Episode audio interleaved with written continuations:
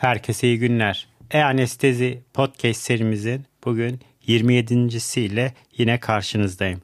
Bugün non-depolarizan nöromusküler blokerlerden mivakuryumdan bahsedeceğim. Hazırsanız haydi başlayalım.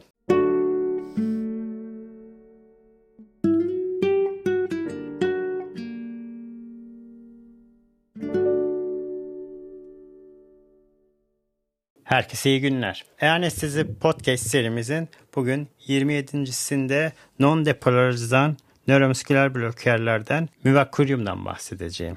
1981 yılında sentezlenmiş, 1984 yılında klinik kullanıma girmiş en kısa etkili non-depolarizandır.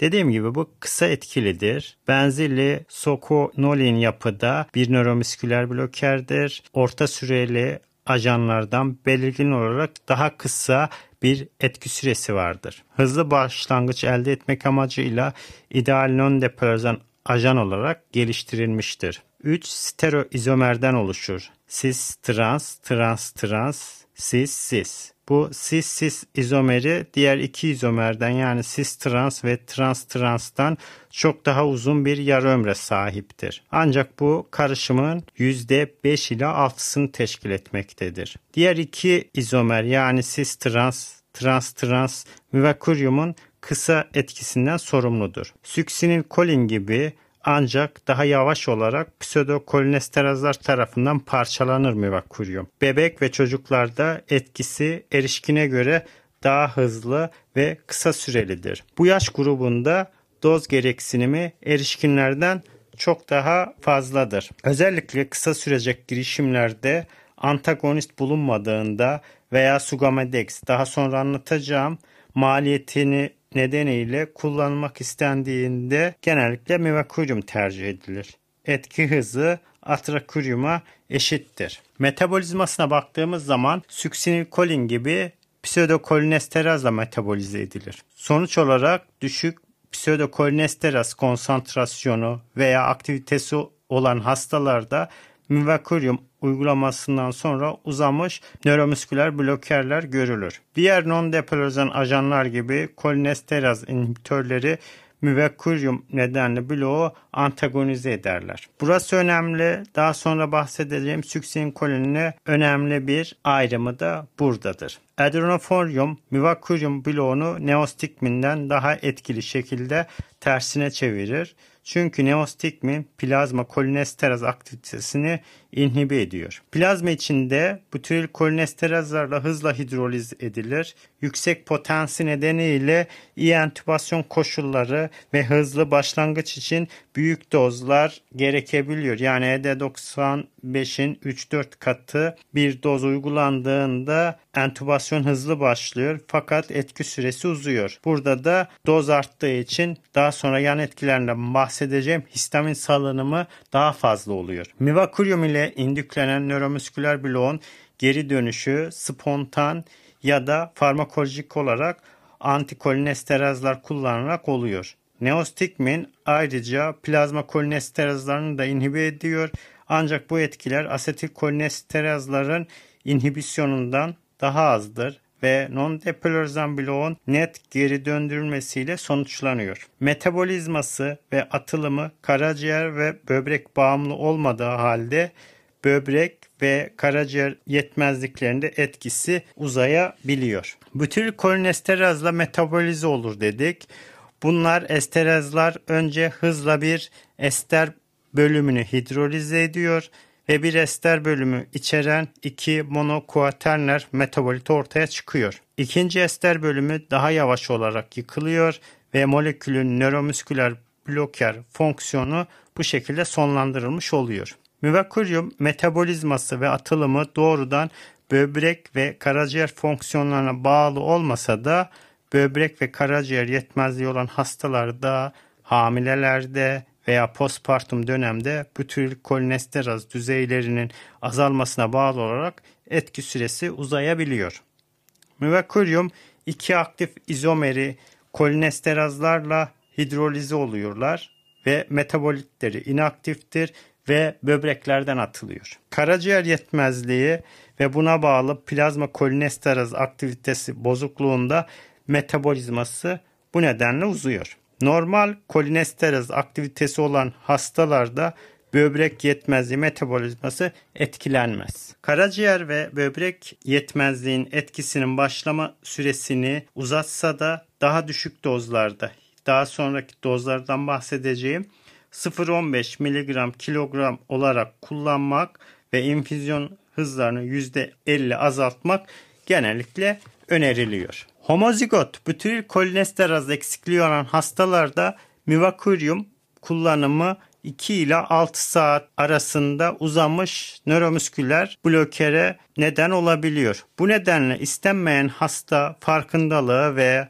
hatırlanmasının önlenmesi için nöromüsküler fonksiyonu monitorizasyonu ve uygun sedasyon, amnezi ve mekanik ventilatör gerekebiliyor. Nöromüsküler blokajdan spontan derlenme hızlıdır ve rezidüel nöromüsküler bloğun etkisinin kalktığı klinik olarak gösterilse de ilaçla yapılan antagonizmaya gerek kalmayabiliyor. Neostigmin plazma kolinesteraz aktivitesini azaltmakta ve teorik olarak müvakuryumu hidrolizini azaltıyor. Müvakuryum ile sağlanan orta dereceli nöromüsküler blokaj neostigmin ile kolayca geri çevrilebilmektedir. Görünüşte bu paradoks olsa da büyük ihtimalle neostigminin gerçek kolinesterazı plazma kolinesterazdan daha iyi antagonize etmesiyle açıklanıyor.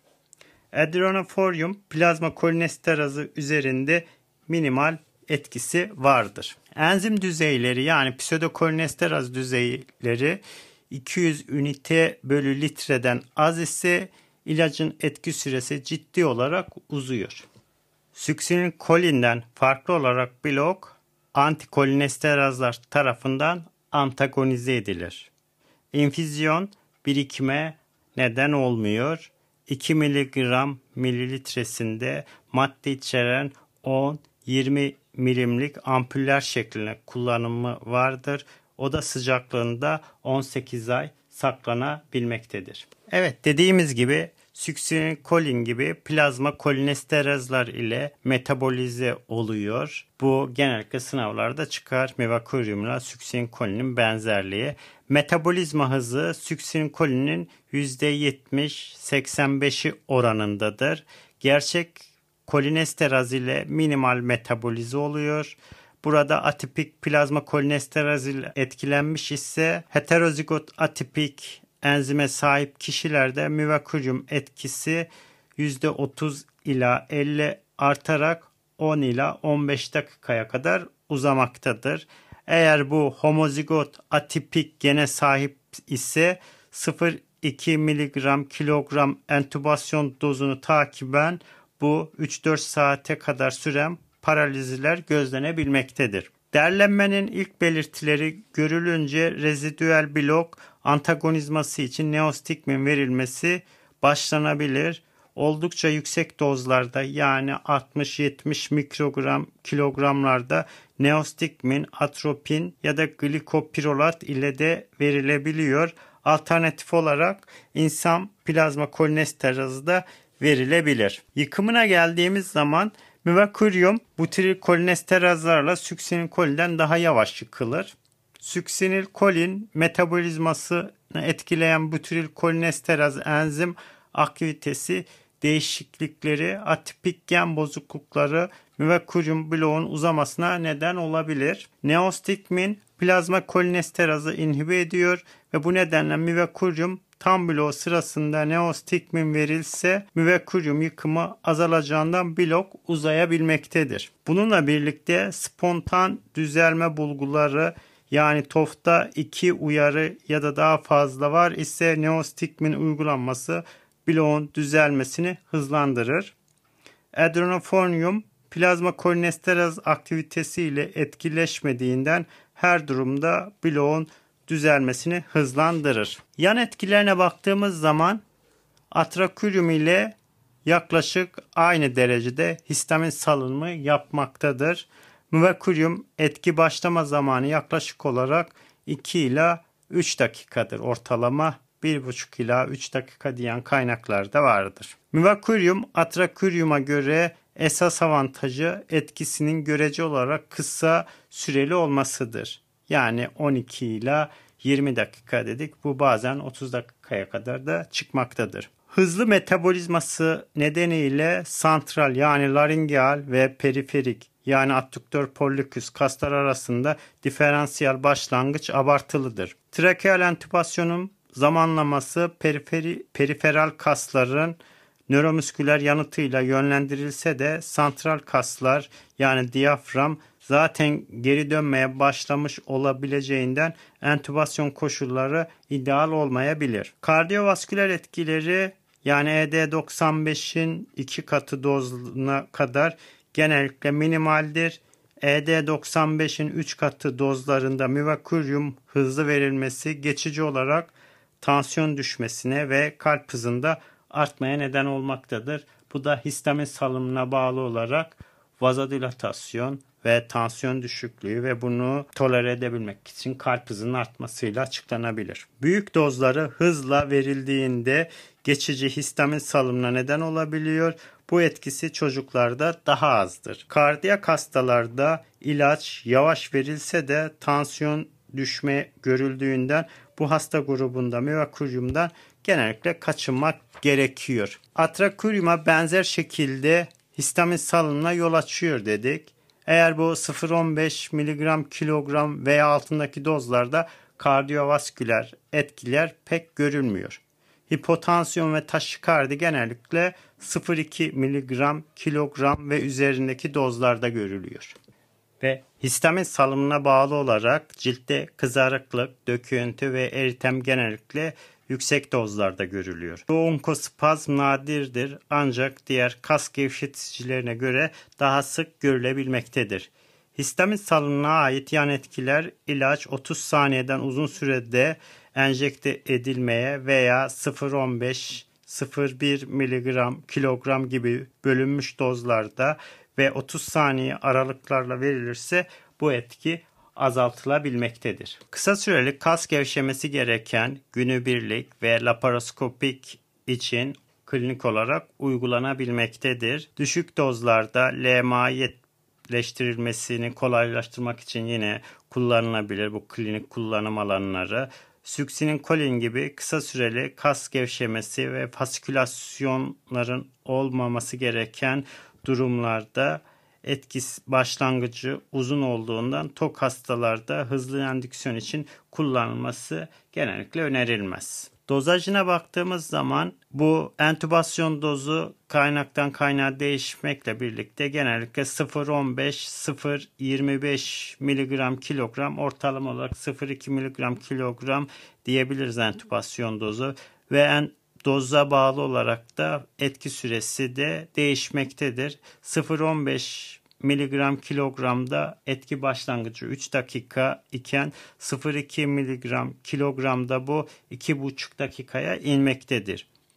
Büyük dozlarda uygulandığında histamin salını önlemek için bazen 0.15 miligram kilogramlık bir dozu 30 saniye sonra 0,1 miligram kilogramı takip eden bölünmüş dozlarda verilebilir. Bu teknik ile bazen histamin salınımı bile olabilmektedir. ED95 değeri 80 mikrogram kilogramdır. Etki süresi 12-20 dakikadır ortalama olarak. Etki süresi süksinin kolinden yaklaşık 2 katıdır ve orta etkili non depolarizan nöromüsküler blokerlerin %30 ila 40'ı kadardır. Vücut ağırlığına göre dozu doze edildiğinde çocukluk yaş grubunda daha yüksek doz kullanmak gerekebilir. Onun için yaparken vücut ağırlığı göz önüne alınarak yapılmalıdır. Önceden 0,015 mg kilogram eğer bir panküronyum verilmesi etkisini daha hızlandırır ancak bu etki süresini iki katına kadar çıkarabilmektedir. 4 ila 10 mikrogram kilogram infüzyon şeklinde verilebilir. Ortalama 8 mikrogram kilogram dakika infüzyon dozu aklımızda kalabilir. Etki süresini ve infüzyon hızını etkileyen en önemli faktör de pseudokolinesteraz düzeyidir diyebiliriz. 0,1 miligram kilogram yaklaşık 10 da 5 dakika aralıklarla kullanılabilir eğer boluslar vereceksek. Sürekli infüzyon için dediğim gibi 4-10 mikrogram kilogram dakika infüzyon verilse de 9-10 mikrogram kilogram dakika ile başlanıp daha sonra 6-7 mikrogram kilogram dakika ile azaltılarak dengeli bir anestezi sağlanmış olabilir. Prime için entübasyon dozunun %10'unu 3-5 dakika önce verilebilir. Yine dediğim gibi çocuklarda daha fazla doz gerektirebilir. 2-12 yaşta etkisi kısa ve dozu daha fazladır. 0-15 değil de bunlarda 0-2 veya 0-25 mg kilogram verilebilir. Yine yaşlılarda ED95 değeri gençlerle aynıdır. Ancak etki süresi birkaç dakika uzayabiliyor. İnfüzyon dozları gereksini biraz daha azalabilir yaşlılarda. Bebek ve çocuklarda ED95 değeri erişkinlerle aynı ancak etki hızlı başlıyor, çabuk bitiyor. Yanıklı hastalar yine diğer nöromüsküler blokerlerde olduğu gibi etki göstermektedir. Yani yanıklı hastalarda reseptörlerin artmış hassasiyeti ve protein değerinin azalmasına bağlı bütün kas gevşeticilerde olduğu gibi bir direnç ve bu ajanda da yine görülebiliyor. Yanık hastalarında plazma kolinesteraz aktivitesi azaldığından Mivakurium yıkım süresi uzayacak ve net etki normal veya uzamış blok süresi olarak karşımıza çıkmaktadır. Evet Mivakurium'u baktığımız zaman şöyle bir kısaca tablo halinde özetleyecek olursak etki süresi kısa etkilidir potens yani ED95'i ne baktığımız zaman miligram kilogram 0.05 ila 0.08 miligram kilogramdır. Entübasyon dozu 0.15-0.25 miligram kilogram 0.2 gibi aklımızda kalabilir. Başlangıç zamanı 3-4 dakikadır. Klinik süre genellikle 12-20 dakikadır. Derlenme endeksi 7 ila 9 dakikadır. Distribüsyon volümü 0,05 litre kilogramdır.